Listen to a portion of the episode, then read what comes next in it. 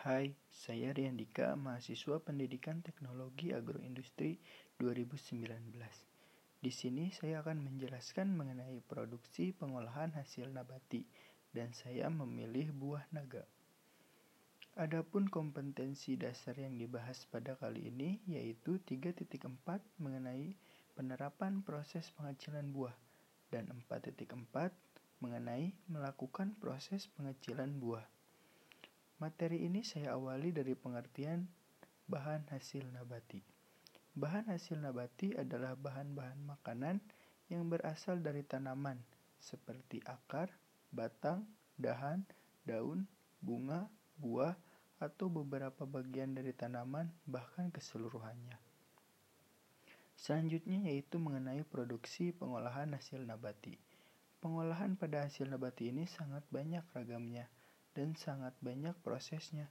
Salah satunya yaitu pengecilan ukuran. Di sini saya akan menjelaskan mengenai pengecilan ukuran yang terjadi pada bahan hasil nabati, yaitu buah-buahan lebih tepatnya buah naga. Pada proses pengecilan ukuran buah naga, terdapat dua jenis alat yang bisa digunakan, yaitu cutter atau pisau dan juga blender.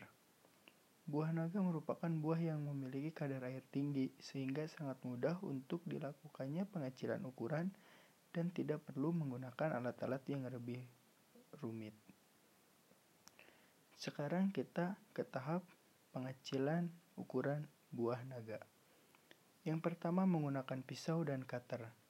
Pengecilan ukuran menggunakan pisau dan cutter ini sangat mudah dilakukan, yaitu dengan cara mengupas kulit buah naga, lalu langsung memotong buah naga menjadi ukuran yang lebih kecil. Biasanya bentuk yang dihasilkan yaitu potongan dadu. Yang kedua yaitu menggunakan blender. Pengecilan ukuran menggunakan blender ini lebih ke penghancuran dari struktur buah naga, sehingga buah naga berubah menjadi bentuk lain, yaitu yang tadinya padat menjadi cairan. Mungkin cukup sekian yang bisa saya jelaskan. Mohon maaf apabila ada kesalahan. Terima kasih.